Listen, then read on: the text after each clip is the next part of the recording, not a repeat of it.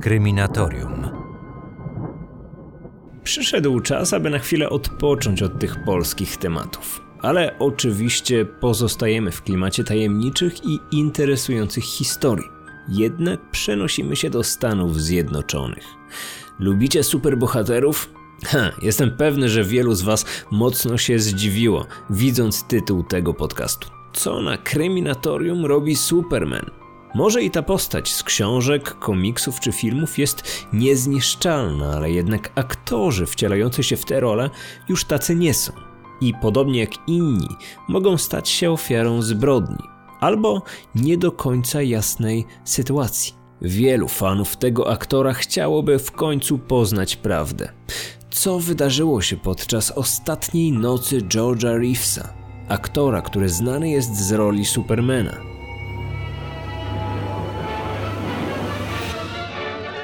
A speeding bullet. More powerful than a locomotive. Able to leap tall buildings at a single. Superman, najstarszy superbohater znany z serii komiksów wydawanych przez DC Comics oraz wszelkich adaptacji związanych z tą postacią. Superman uważany jest za jeden z najważniejszych elementów amerykańskiej popkultury ubiegłego wieku. Bohater jest ubrany w niebieski kostium, czerwoną pelerynę, a na piersi naszyty ma żółty znaczek z wielką czerwoną literą S. Ma wiele supermocy, które ciągle się rozrastają. Up in the sky, it's a bird. It's a plane! It's Superman! It's Superman! It's Superman! Yes, it's Superman! To garść informacji znalezionych w sieci. Każdy z nas kojarzy tę postać i nikomu specjalnie jej przedstawiać nie trzeba. Jednak jestem pewny, że nie wszyscy słyszeli o tej dramatycznej historii aktora, który jako pierwszy wcielił się w filmową wersję tego superbohatera. It's Superman! Yes, it's Superman! Tym aktorem jest George Reeves, któremu rola Supermana przyniosła sławę, ale też okazała się jego przekleństwem. Zaszufladkowany w tej jednej roli z czasem ją znienawidził. Prywatnie mężczyźnie także nie układało się najlepiej, ale może zacznijmy od samego początku. George Reeves, właściwie George Kiefer Brewer, urodził się 5 stycznia 1914 roku w Woolstock w stanie Iowa, pięć miesięcy po tym, gdy jego rodzice wzięli ślub. Ich małżeństwo wkrótce się rozpadło, a matka z małym George'em przeniosła się do Kalifornii. Helen poznała tam swojego kolejnego męża, Franka Besolo. Mężczyzna zaadoptował chłopca. Para przez 15 lat była zgranym małżeństwem, które ostatecznie zakończyło się rozwodem. George znajdował się wtedy poza domem i matka przekazała mu, że ojciec popełnił samobójstwo. Dopiero po latach, gdy dołączył do armii podczas II wojny światowej, odkrył, że matka skrywała przed nim wiele tajemnic. Oszukała go w kwestii prawdziwej daty jego narodzin i roli Franka. George myślał, że był on jego biologicznym ojcem, a nie ojczymem. Na samym końcu udało mu się ustalić, że mężczyzna wcale nie popełnił samobójstwa i nadal żyje. Te kłamstwa sprawiły, że George przez długi czas pozostawał w konflikcie z matką i się do niej nie odzywał. Reeves jako nastolatek wbrew woli matki uprawiał boks. Występował na różnych zawodach, jednak po jakimś czasie zrezygnował ze sportowej kariery. Bardziej zaczęło go interesować aktorstwo i w tym kierunku planował się rozwijać. W sztuce filmowej zakochał się na dobre. Filmowy debiut zaliczył w 1939 roku w Przeminęło z wiatrem, wcielając się w postać mężczyzny zakochanego w głównej bohaterce historii. Zawarł tym samym umowę z wytwórnią Warner Brothers. Zanim film doczekał się swojej premiery, Reeves zdążył jeszcze zagrać w kilku innych produkcjach. W 1940 roku, gdy wydawało się, że kariera aktora zaczyna pomału nabierać tempa, ożenił się z aktorką Eleonorą Needles. Para podczas trwającego 9 lat małżeństwa nie doczekała się potomstwa. Reeves zaczął grać w westernach, a w 1943 roku zaangażowano go do małego epizodu w pewnym dramacie wojennym, który okazał się kasowym hitem. Jak już wcześniej wspomniałem, George został powołany do amerykańskiej armii pod koniec 1943 roku. Jednak w wojsku nie zapomniał o swojej największej pasji. Służąc w siłach powietrznych, dołączył do grupy teatralnej. Wystąpił w jednej ze sztuk, która doczekała się nawet filmowej wersji. Po wojnie wrócił do Kalifornii, gdzie próbował zaczepić się gdzieś w Hollywood. Niestety, mógł liczyć tylko na rolę w niskobudżetowych filmach. To wzbudzało jego rozczarowanie i gniew. Liczył na udział w wielkich produkcjach. Niestety, rzeczywistość okazała się brutalna.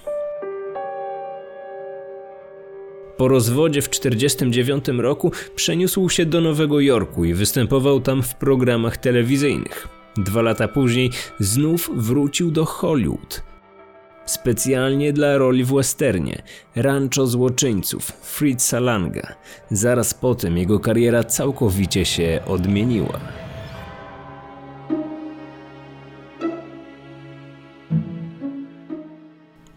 Czerwcu 1951 roku aktorowi zaproponowano rolę Supermana w serialu telewizyjnym. Początkowo niechętnie podchodził do propozycji pracy dla telewizji, jednak ostatecznie przyjął ofertę. Za swoją pracę na planie dostawał niewielkie wynagrodzenie. Pierwsza filmowa odsłona superbohatera została bardzo dobrze przyjęta przez widzów, jak i krytyków. George Reeves momentalnie stał się gwiazdą w Stanach Zjednoczonych. Był uwielbiany zwłaszcza przez dzieci, które były zapatrzone w niego jak w bohatera. Starsza publika także doceniała tę postać. Przygody Supermana przyciągały przed telewizory całe rodziny. W sieci wciąż można znaleźć fragmenty tego czarno-białego serialu. Efektów specjalnych oczywiście nie możemy porównywać ze współczesnym kinem, jednak Superman lat 50. miał niesamowity klimat. Jeśli znajdziecie jakieś urywki, sami poczujecie o co mi chodzi.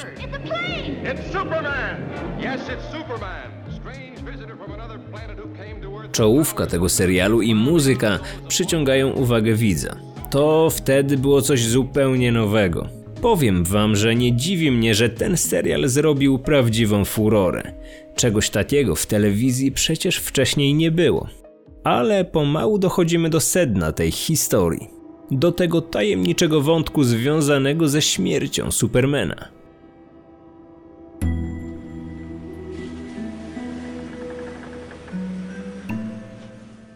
Reeves wszędzie, gdzie się tylko nie pojawia, wzbudza ogromne zainteresowanie. Każdy chce mieć jego autograf. Początkowo popularność mu odpowiada, zwłaszcza, że jego dochody wraz z rozgłosem serialu wzrosły.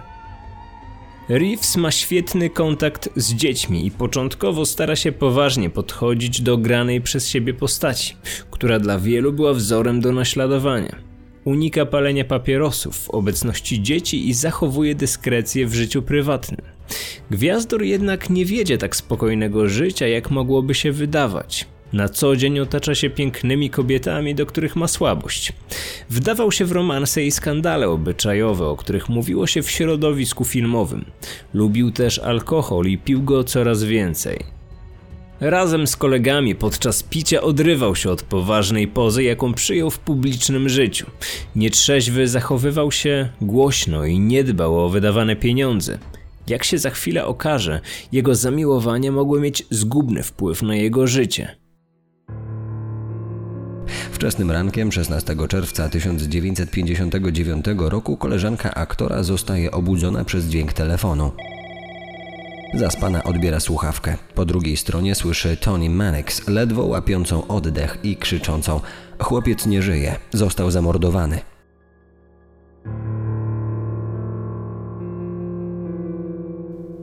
Tony Mannix, żona znanego w Hollywood producenta Ediego Mannixa, przez 10 lat była także kochanką George'a Reevesa. Na rok przed jego śmiercią została przez niego porzucona dla młodszej kobiety, Leonor Lemon. W noc poprzedzającą śmierć aktora znajdował się on ze swoją ostatnią narzeczoną i znajomymi w jego domu. Co się tam właściwie stało i dlaczego Reeves nie żył? To pierwsze i podstawowe pytanie, na jakie szukano odpowiedzi. Mężczyzna został znaleziony martwy w sypialni. Był nagi. Jego stopy opierały się o podłogę, reszta ciała leżała bezwładnie na łóżku. Między kolanami znajdowała się ręka, w której trzymał pistolet. W głowie widoczna była rana postrzałowa. Policja kwalifikuje zdarzenie jako samobójstwo. Od początku budzi to jednak wiele kontrowersji. Czy Reeves na pewno zdolny był targnąć się na swoje życie? Czy miał jakieś powody? Spróbujmy zrekonstruować tę ostatnią noc życia Reevesa.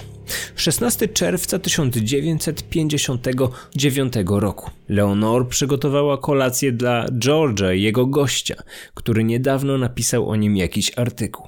Po posiłku wszyscy przenieśli się do salonu, gdzie do północy oglądali telewizję, a później poszli spać.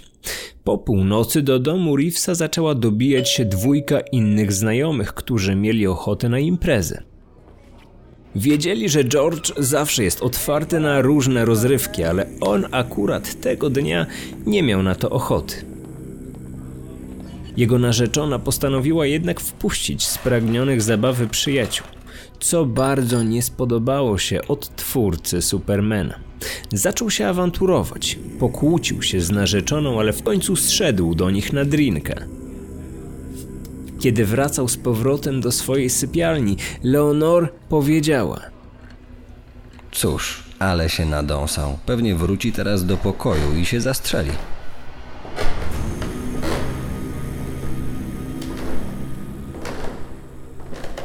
To, co stało się później, do dziś wzbudza wiele kontrowersji. Jednak zgodnie z zeznaniami złożonymi przez świadków, chwilę po tych słowach usłyszeli głośny strzał. Jeden ze znajdujących się w domu znajomych podbiegł na górę, gdzie zobaczył martwego aktora leżącego twarzą do góry. Policja bez zbędnej zwłoki orzekła samobójstwo. George chorował na depresję. Zdenerwowali go znajomi, więc po wypiciu alkoholu wziął pistolet i siedząc na łóżku oddał do siebie strzał.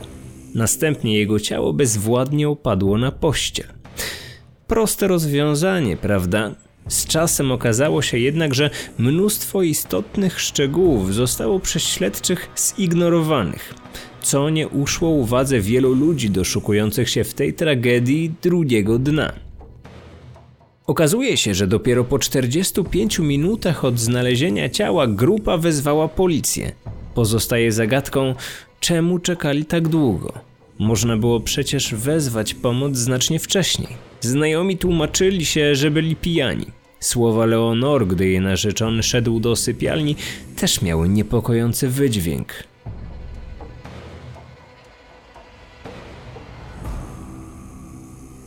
W pierwszych minutach po przyjeździe do domu Reevesa policjanci popełnili wiele błędów. Nie sfotografowano miejsca potencjalnej zbrodni, sypialnia nie została odpowiednio przeszukana, nie zabezpieczono śladów i odcisków palców. Zebrano zeznania świadków, jednak ponoć ze względu na stan ich upojenia ciężko było dojść do jednej spójnej wersji. Dość podejrzane. Zwłoki nie zostały początkowo poddane autopsji. Pobrano jedynie próbki krwi, a ciało aktora zabalsamowano.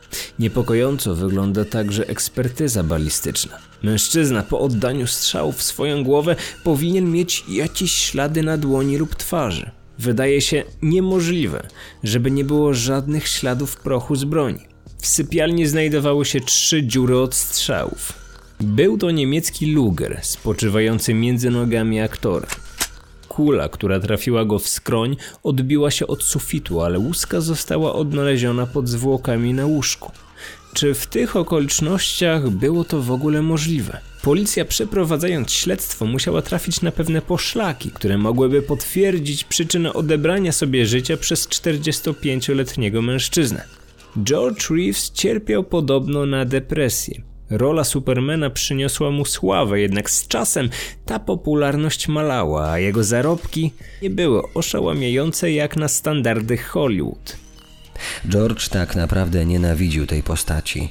Źle czuł się nakładając do każdej sceny małpi strój, jak mówił na kostium superbohatera. Po każdym zakończonym sezonie wycinał z niego znaczek z literą S i przekazywał ją na cele dobroczynne związane z dziećmi. Zdawał sobie sprawę, że przez młodszą publiczność jest uwielbiany, więc chociaż w ten sposób chciał się im odwdzięczyć. Resztę stroju niszczył zazwyczaj go paląc. Aktorowi marzyły się ambitniejsze role, ale żadne ciekawe propozycje do niego nie docierały. Został zaszufladkowany w tej jednej roli. Reeves pogrążał się w smutku, topiąc go w dużej ilości alkoholu. Nie było tajemnicą, że ma problem z piciem. Jego najbliższe otoczenie nie wierzyło jednak w to, że mógł popełnić samobójstwo. Jego matka, z którą w końcu poprawiły mu się relacje, nie zgadzała się z takim orzeczeniem policji. W wywiadach ze znajomymi mężczyzny często padały zapewnienia, że na 100% nie był typem człowieka, który mógłby się zabić. Dzięki temu, że ta śmierć wzbudziła wiele kontrowersji, narosło wokół niej kilka wątków, które poruszają możliwe przyczyny tragedii. Wątek pierwszy. Nieszczęśliwy wypadek. Ponoć Reeves, zwłaszcza po alkoholu, lubił poddawać się niebezpiecznej zabawie. Mowa tu o grze w rosyjską ruletkę. Przykładał sobie broń do głowy i naciskał spust po wcześniejszym zakręceniu obrotowym magazynkiem. Jednak do tej pory pilnował, aby ten magazynek był pusty. Może jednak tej nocy, w której zginął, nietrzeźwy zapomniał to zrobić. Chociaż trochę dziwne jest to, żeby miał w ten sposób bawić się w samotności we własnej sypialni. Reeves popisywał się w ten sposób przed znajomymi, raczej nie robił tego w samotności. Dlaczego miałby to zrobić tym razem?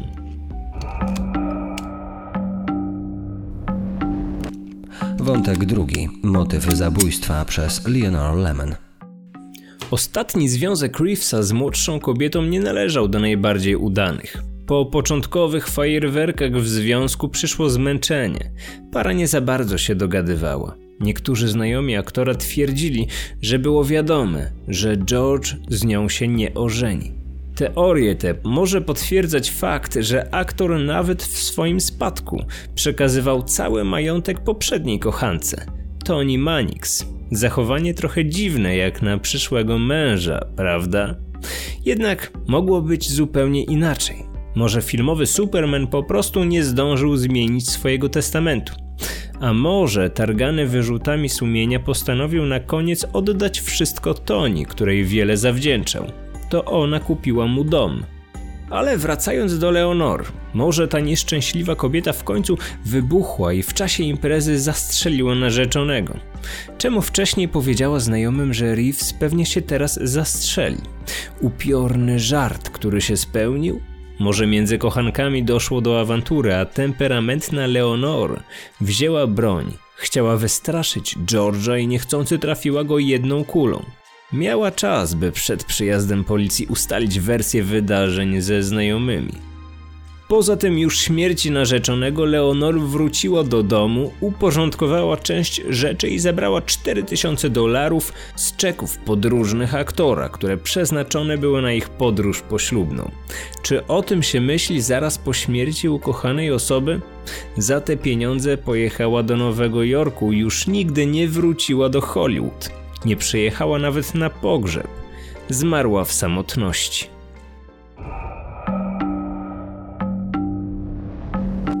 Wątek trzeci. Motywy zabójstwa przez Tony Mannix. Tony Mannix uchodziła w Hollywood za twardą kobietę. Zdaniem niektórych tylko ona mogła mieć na tyle odwagi, by zabić Reevesa. Zwłaszcza, że po 10 latach została porzucona przez niego dla młodszej.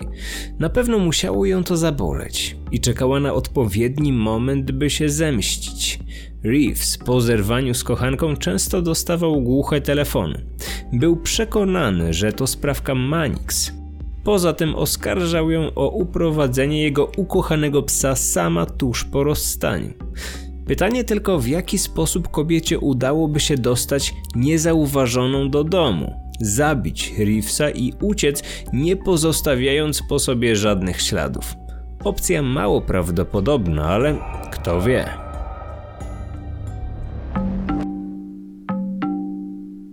Wątek czwarty. Motyw zabójstwa przez Ediego Manixa.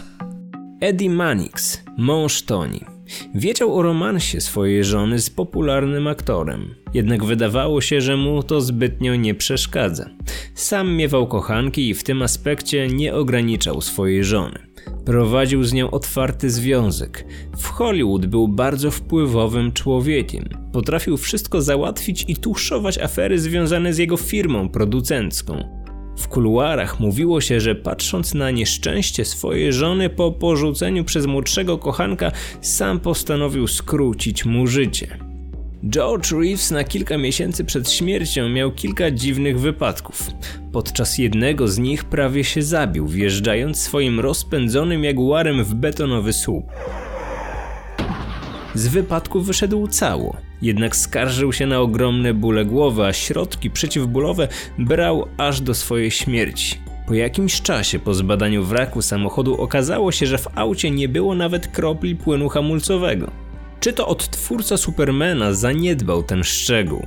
A może ktoś, w tym przypadku Eddie Mannix, stał za spuszczeniem płynu?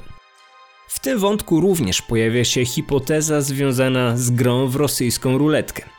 Eddie, wiedząc o skłonnościach byłego kochanka żony, miał załadować Lugera tak, by często nietrzeźwy Reeves podczas jednej z jego zabaw w końcu się zabił. Mając duże wpływy, Eddie wynajął odpowiednich ludzi, którzy mieli zatuszować zbrodnie. Przyznajcie, że kwestia śmierci Supermana jest zagadkowa. Wiele nakładających się na siebie motywów, możliwych opcji. Sam nie wiem, która z nich jest najbardziej prawdopodobna.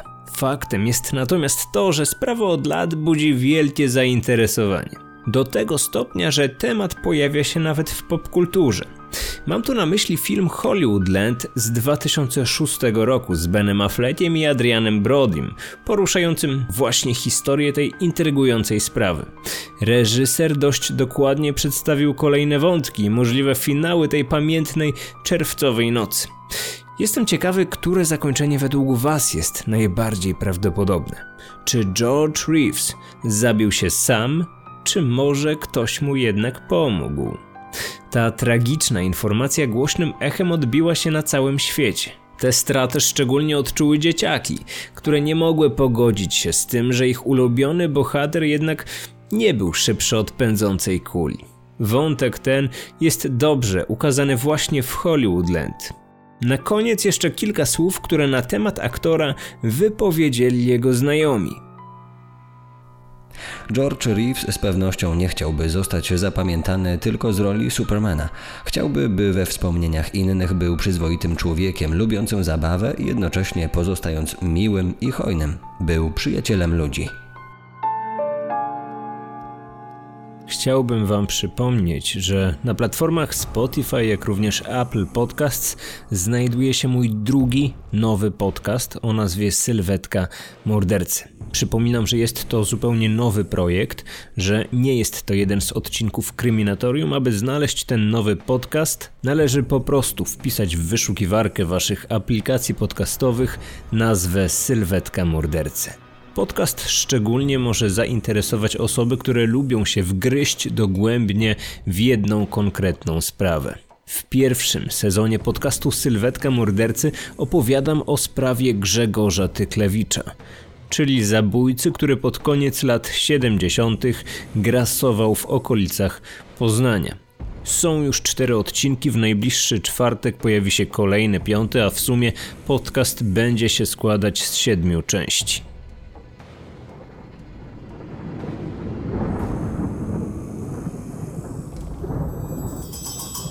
Kryminatorium. Otwieramy akta tajemnic.